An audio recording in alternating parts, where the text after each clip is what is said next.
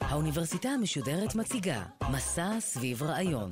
הסמסטר מלחמה ושלום, והפעם הפרופסור זהבה סולומון, כלת פרס ישראל וכלת פרס אמת לחקר העבודה הסוציאלית מבית הספר לעבודה סוציאלית באוניברסיטת תל אביב על מחיריה הנפשיים של המלחמה. עורכת ראשית, מאיה גאייר.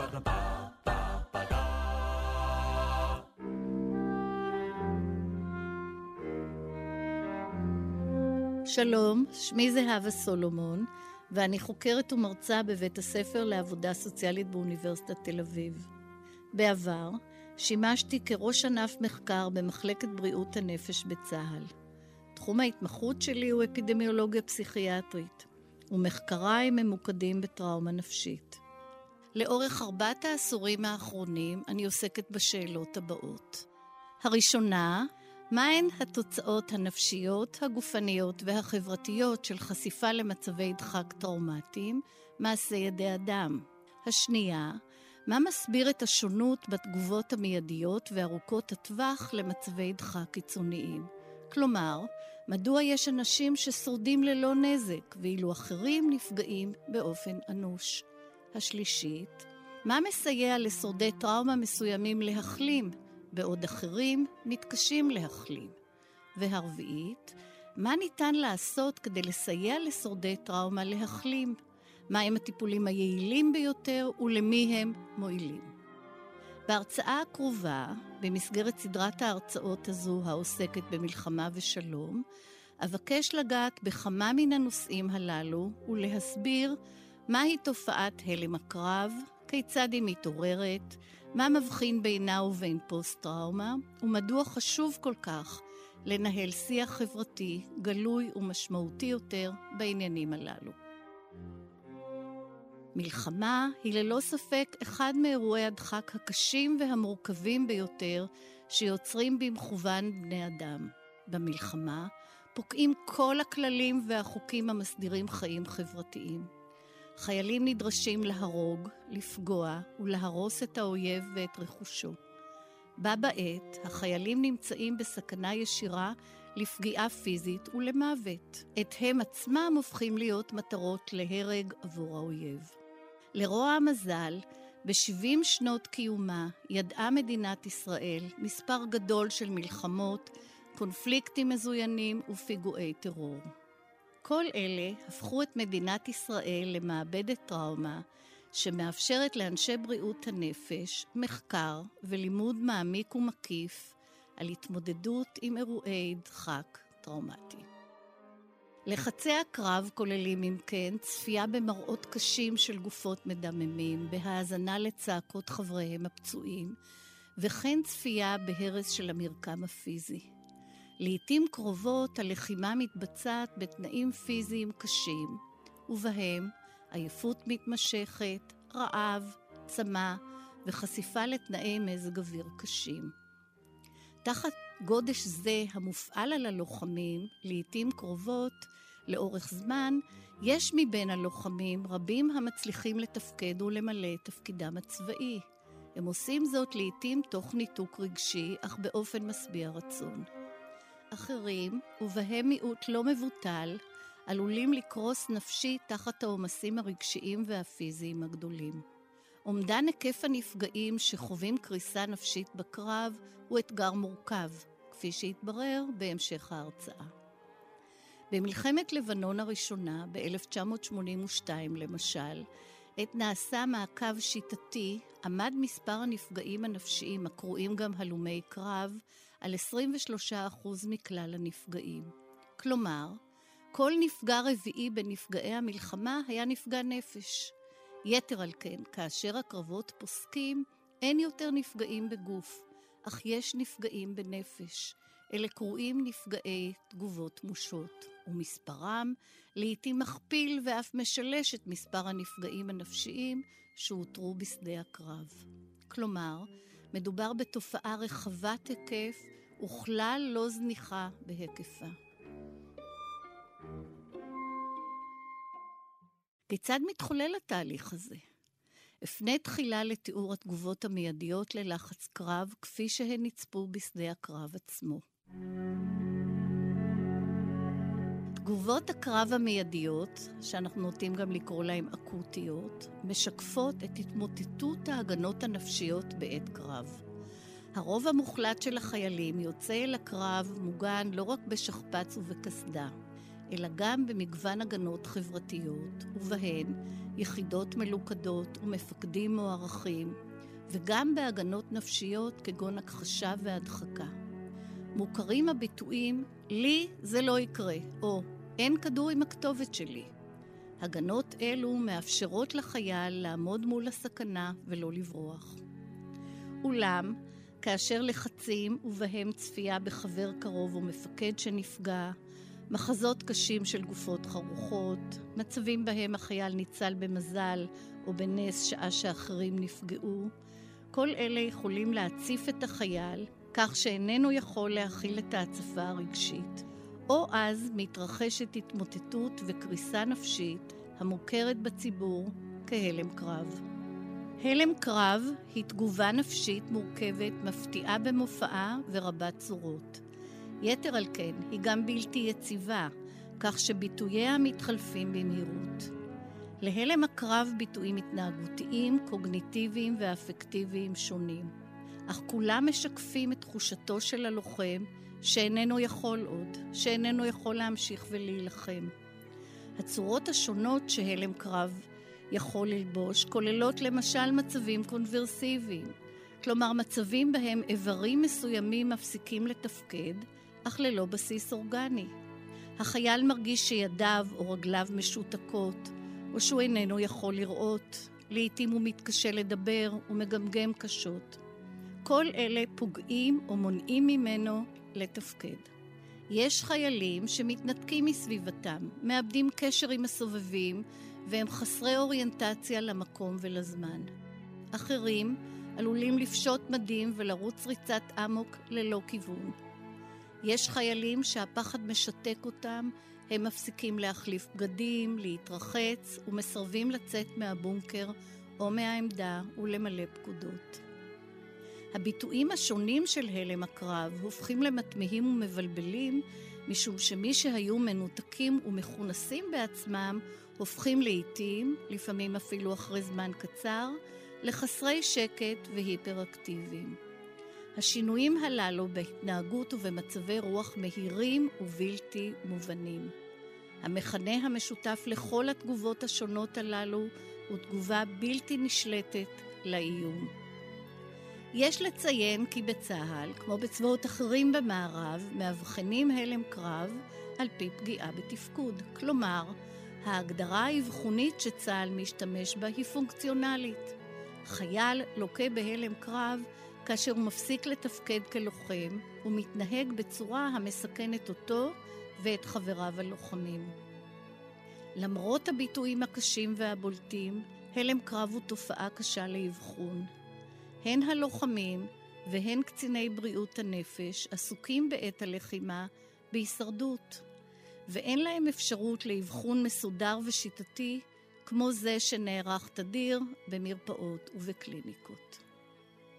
יתר על כן, בניגוד למחלות ולהפרעות אחרות שיש להם סימנים או מה שאנחנו קוראים סימפטומים ברורים, שכאשר הם מופיעים יחד ניתן לקבוע הבחנה, הריבוי וההשתנות המהירה של הסימפטומים בהלם קרב מקשים מאוד על האבחון.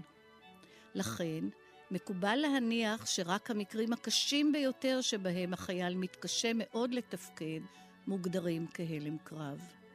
על כן אנחנו מניחים שמספר המאובחנים בהלם קרב נמוך ממספרם האמיתי. פעמים רבות עולה השאלה האם הלם קרב הוא למעשה תגובה אנושית נורמלית למצב הלא נורמלי שמזמן את המלחמה? התשובה לשאלה הזו השתנתה במהלך השנים, משום שלאורך ההיסטוריה היחס להלם קרב עבר תהפוכות רבות. בעבר היו מצבי קיצון שבהם צבאות, כולל בצבאות אירופאים רבים, נחשבו החיילים הללו לפחדנים ולחסרי עמוד שדרה מוסרי. ועל כן הם נתפסו כבוגדים.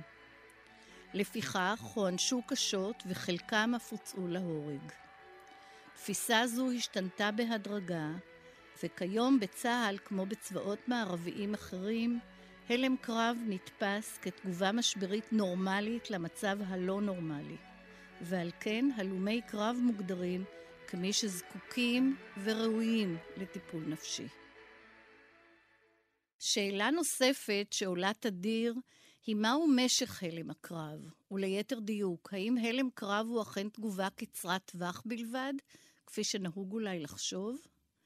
בצה"ל היה נהוג עד מלחמת לבנון הראשונה לתאר את תגובת הקרב כאירוע משברי קצר מועד, שהחייל שלקה בו יחלים, או באופן עצמוני, או באמצעות התערבות טיפולית קצרת טווח ומוגבלת. בשלהי מלחמת לבנון הראשונה, יזמה מחלקת בריאות הנפש בצה"ל מחקר מעקב בן 20 שנה.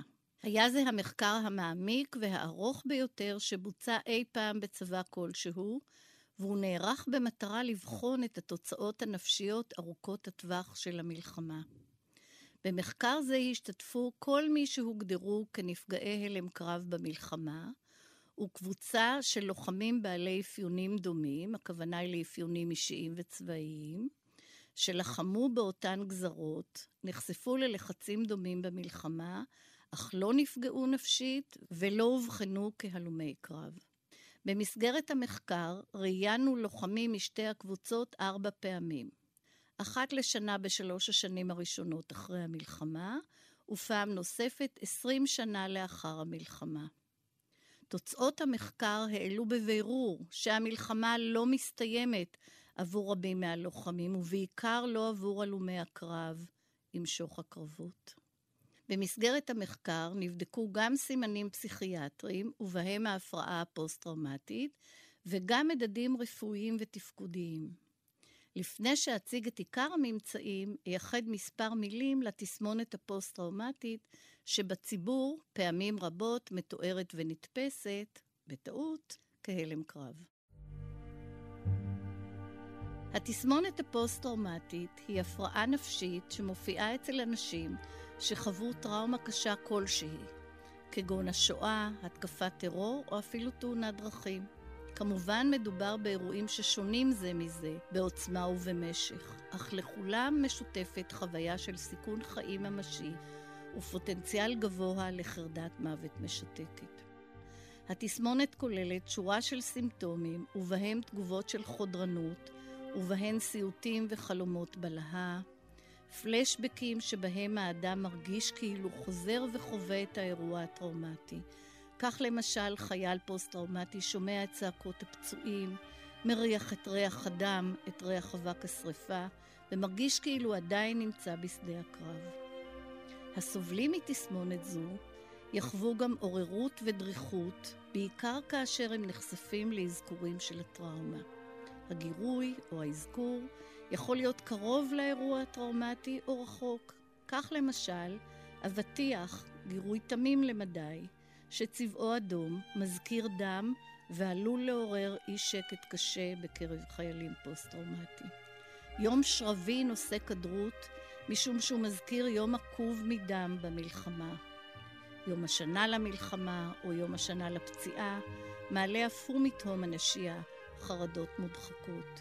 הסימפטומים הללו בעצם מבטאים את התחושה שהזמן עבור החייל הפוסט-טראומטי נעצר, שחלק ממנו, חלק מנפשו, נשאר שם, בשדה הקרב, ואילו חלק אחר ממנו ממשיך לחיות בהווה. התסמינים הללו משקפים במידה רבה את חותם המוות שנטבע בנפש המיוסרת. חלק ממה שקושר את החייל הפוסט-טראומטי בעבותות לחוויה הטראומטית הם רגשי האשם הקשים. אשמת השורד או אשמת הניצול. מדוע הוא שרד כשחברים ומפקדים נפלו? האם לא הגיע לו למות? הוא חש, כשם ספרו של אהרון מגד, החי על המת, ולעיתים הוא החי שמת. כנגד הפלישה הבלתי נשלטת והכואבת של זיכרונות הטראומה, מפעילה הנפש הגנות שונות, ובהן הימנעות וקהות רגשית. החייל הפוסט-טראומטי עושה כל מאמץ להימנע מלהיפגש עם הגירויים המאיימים, להתרחק כמובן ממדים, מכל מה שמסמל צבא, אבל גם דברים ניטרליים לכאורה, שנקשרים בדרך אסוציאטיבית עם הטראומה, גורמים לו להימנעות. מאכלים מסוימים, כפי שכבר הזכרתי, אבטיח שצבעו אדום ולכן עלול להזכיר דם, או למשל שוקולד שצבעו החום עלול להזכיר גופות חרוכות. לאט לאט, כדי להגן על עצמו, החייל הפוסט-טראומטי מצמצם את עולמו. יש מקומות שנתפסים מסוכנים, למשל מקומות הומי אדם, או אזכורים שמזכירים את אירועי הלחימה. ומהם הוא מנסה בכל כוחו להימנע. כיוון שבמדינת ישראל יש אזכורים כמעט יומיומיים לאירועי טראומה מלחמתיים, החיים הופכים קשים ומעיקים עבור רבים מהלוחמים. כך, לאט לאט, הולך עולמו של הפוסט-טראומטי, הולך וצר, הולך ומצטמצם. הוא נמנע מקשרים חברתיים, מקשרים משפחתיים. במקביל, הוא עוטה על עצמו מעטה של קהות רגשית, בדומה לאיש הפח מהקוסם בארץ עוץ, האיש שלא יכול להרגיש. נפשו פועלת כדי למסך רגשות, כדי לא לכאוב. לסימפטום הזה כמובן השפעה מהותית וקשה על יחסיו הבין-אישיים, ובעיקר על יחסיו האינטימיים עם בני משפחתו וחברים קרובים. הוא נוטה להסתגר מפניהם והופך בודד יותר ויותר. במקביל הוא נוטה לחשוב שאיש אינו מבין אותו, דבר שמגביר את הבדידות. ההפרעה הפוסט-טראומטית כוללת גם רכיב של רגישות יתר לגירויים כמו רעשים. סף הסובלנות של הנפגע הפוסט-טראומטי יורד ויורד, ולצידו עולה מפלס התוקפנות והאלימות. נפגעים פוסט-טראומטיים מוצאים את עצמם, כך לדבריהם, כשהם פוגעים באלימות פיזית ומילולית בבני משפחתם ובאחרים בסביבתם. כל הורה יודע שילדים בוחנים לעתים את סבלנותנו וסובלנותנו. כך למשל נפגע פוסט-טראומטי סיפר שהתנפל על בנו הפעוט שזרק אוכל על הרצפה ועמד לחנוק אותו. חייל פוסט-טראומטי אחר שמע בחדשות על פיגוע והתנפל באלימות על חברו לעבודה שהוא ערבי. רבים אחרים סיפרו על פנטזיות אלימות קשות, שלמרבית המזל לא מימשו אותן. ביטוי קשה אחר של התסמונת הפוסט-טראומטית כולל קשיים וליקויים קוגניטיביים, קשיי ריכוז וקשיי זיכרון. אלה פוגמים כמובן ביכולת לעבוד וללמוד. מבין החיילים הפוסט-טראומטיים ישנם רבים אשר לא יכלו להמשיך בלימודים אקדמיים או בעבודה שחייבה ריכוז, כולל בתחומים שבהם הם הצליחו מאוד בעבר. במובן זה, כל התסמינים הללו תורמים לתסכול ולקשיי תעסוקה. התסמונת הפוסט-טראומטית היא כאמור רבת פנים, וכל אחד מהתסמינים המרכיבים אותה פוגע קשות ביכולת הנפגע לתפקד כבן זוג, כאב, כעובד ומפרנס, וכמובן גם כחבר וכאזרח.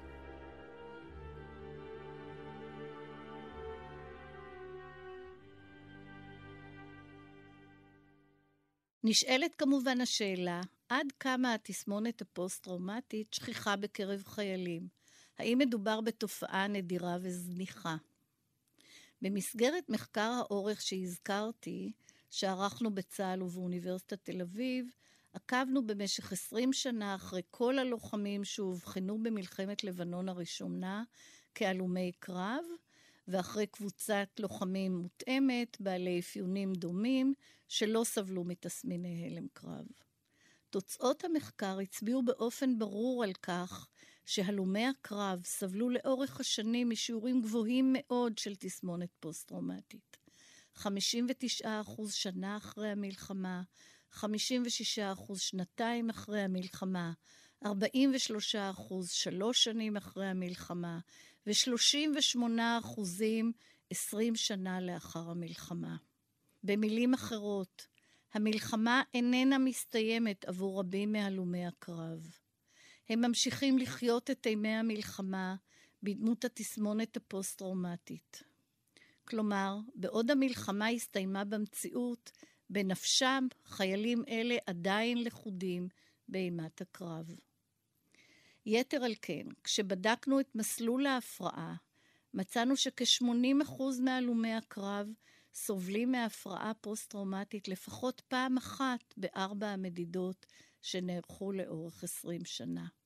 במילים אחרות, מדובר בהפרעה כרונית, בדומה לאסתמה למשל, שמאופיינת בהתפרצויות ובתקופות רגיעה. אך ההפרעה נמצאת שם כל העת, ובעיתות דחק היא עלולה לפרוץ במלוא עוזה. במילים אחרות, הלם הקרב אומנם מתרחש בעת הקרב, אך תוצאותיו אינן חולפות במרבית המקרים. יש לציין כי עם ההזדקנות עולה הסיכון להחרפה ולפריצה מושט.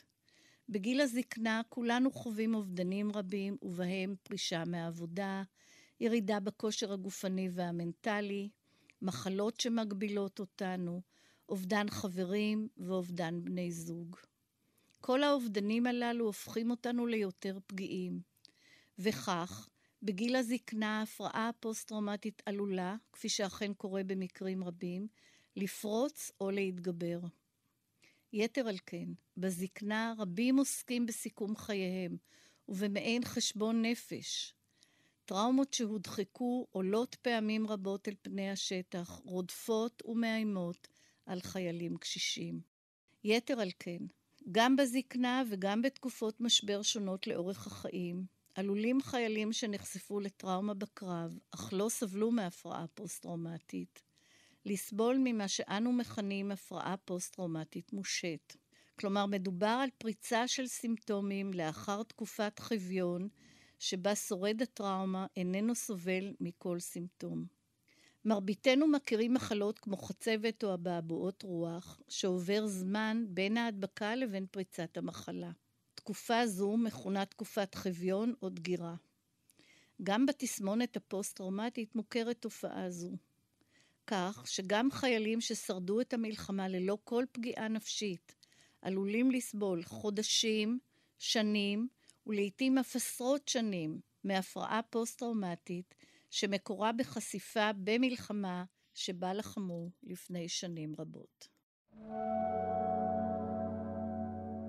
הלומי קרב הם קבוצת סיכון גבוה גם להפרעות נפשיות אחרות.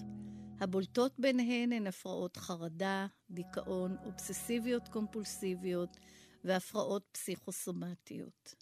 בנוסף, הלומי קרב, ובעיקר הפוסט-טראומטיים שביניהם, סובלים גם מבעיות בריאות ומחלות קשות בהיקף גדול מזה של לוחמים דומים שלא חוו קריסה נפשית.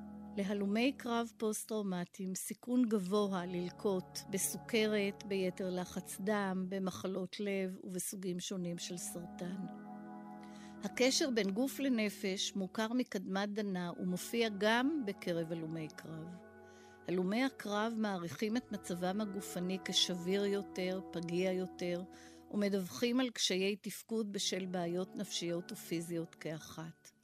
הדבר מתבטא בקשיי תעסוקה וכן בקשיים במערכת המשפחתית. יתר על כן, נראה כי הזקנה קופצת עליהם טרם זמנה.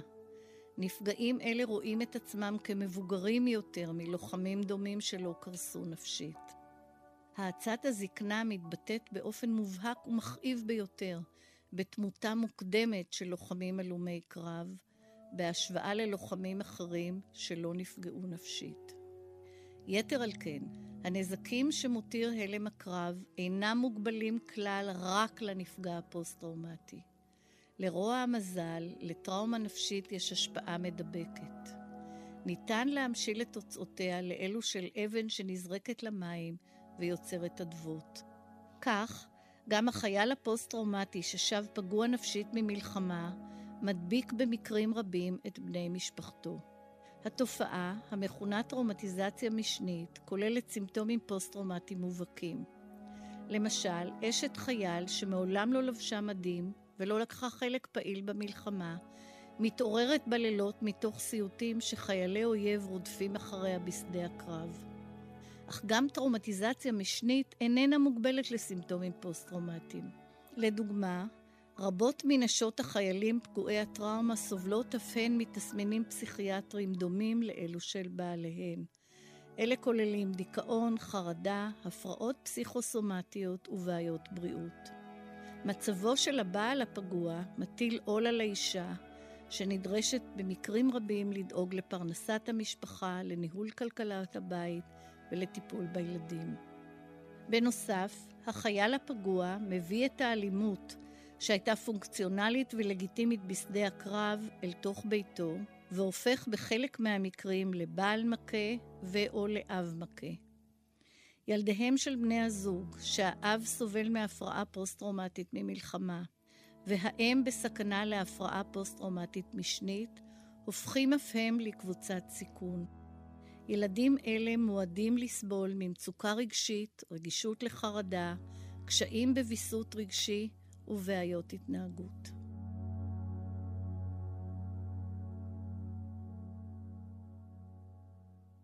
לקראת סיום, בואו נדבר מעט על טיפול ומניעה.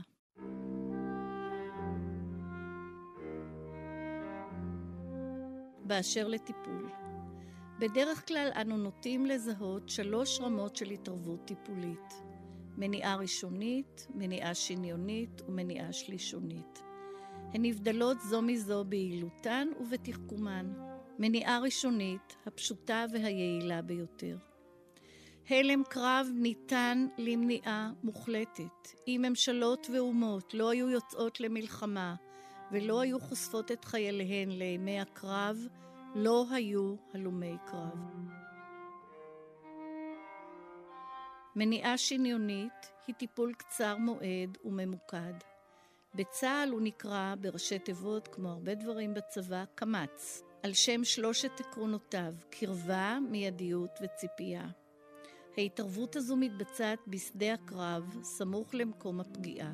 מאפשרים לחייל לשמור על זהותו הצבאית, אין מגדירים אותו כחולה, אלא כמי שחווה משבר חולף. עקרון הציפייה משקף תפיסה שמדובר במשבר חולף ומתן אמון ביכולת החייל להתגבר עליו ולחזור ולתפקד כחייל. עקרונות אלה גובשו במלחמת העולם הראשונה ורוששו במחקר שערכנו בצה"ל. הן שנה והן עשרים שנה לאחר מלחמת לבנון הראשונה, נפגעי הלם קרב שטופלו על פי גישה זו והרגישו מוכנים לחזור לקרב, מצבם הנפשי והתפקודי היה טוב מזה של חבריהם הנפגעים שלא קיבלו טיפול זה. ולבסוף, ישנה גם מניעה שלישונית או טיפול נפשי. ישנן שיטות טיפול רבות ומגוונות לטיפול בהפרעה פוסט-טראומטית, ובשל קוצר היריעה לא אפרט כעת. אולם יש לומר כי יעילותן של מרבית השיטות הללו היא חלקית במקרה הטוב. לסיכום, המחיר הנפשי של המלחמה מתפשט ופוגע במעגלים גדולים של האוכלוסייה. לדברים אלה משמעות ייחודית בצבא שהוא צבא העם כבישראל. לפיכך, מנקודת ראות של בריאות הציבור, ובוודאי מנקודת ראות של אחריות מוסרית, על צה"ל ועל משרד הביטחון לפרוס רשת ביטחון טיפולית לנפגעים ולבני משפחותיהם. במשך שנים רבות השיח הציבורי הדיר נפגעי טראומה בכלל וחיילים נפגעים בפרט. בשני העשורים האחרונים מסתמן שינוי מסוים. המונח פוסט-טראומה הפך לחלק מהשפה המקובלת, גם אם לא תמיד בהקשרים מדויקים. מי ייתן ונשכיל להטות אוזן, להקשיב ולהכיר בסבלם של החיילים הנפגעים ובני משפחותיהם, ולהוקיר אותם כפי שראוי, כחלק ממגש הכסף עליו ניתנה לנו המדינה.